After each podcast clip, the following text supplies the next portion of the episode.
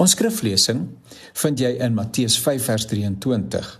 As jy dus jou gawe na die altaar toe bring en dit jou daar byval dat jou broer iets teen jou het, laat staan jou gawe daar by die altaar en gemaak eers vrede met jou broer en kom dan terug en bring jou gawe.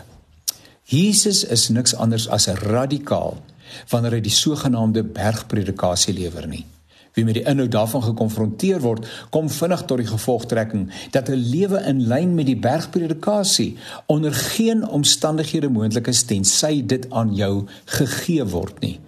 Wat Jesus vra, moet hy gee. Wat Jesus van ons verlang, moet hy in ons bewerk. Wat Jesus voorskryf, moet hy in ons deponeer. Met die eerste oogopslag wil 'n mens reageer: "Gaan weg van my, Here, want ek is 'n sondige mens." Maar Jesus se bedoeling is nie om ons moedeloos te maak nie, inteendeel. Jesus wil ons net onder die indruk bring, indruk bring van hoe radikaal afhanklik ons van hom is. Hy stel ons inderdaad in staat om volgens die eise van sy woord te lewe. Daarom sê Jesus: "Sonder my kan julle niks doen nie." Waarop elke gelowige sê: "Amen." Ons almal het al 'n lewe sonder Jesus probeer. Dit het vir ons en vir ander hartseer, teleurstelling, ongemak en probleme gebring. In hierdie gedeelte gaan dit oor 'n lewe wat gekenmerk word deur daaglikse versoening. Dat mense soms by mekaar verbyleef is 'n gegewe. Dat sommige mense aanstoot neem is 'n werklikheid. Dat mense ons misverstaan gebeur al te maklik. Dat mense seer kry, ook ons, is 'n werklikheid. Maar die probleem is dat wanneer hierdie ongemak nie aangespreek word nie, dit uiteindelik 'n onoorbrugbare kloof veroorsaak tussen ons en ander mense.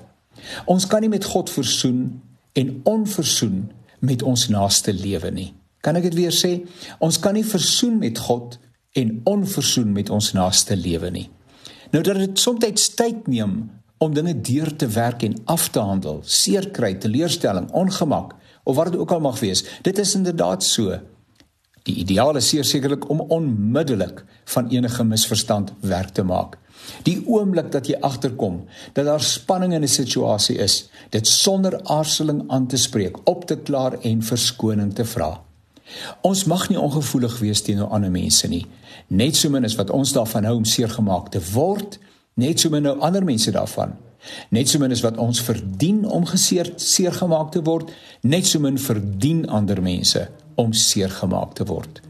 Sal die wêreld nie 'n radikaal ander plek wees as ons onmiddellik werk maak van misverstande en aanstoot neem en gee nie.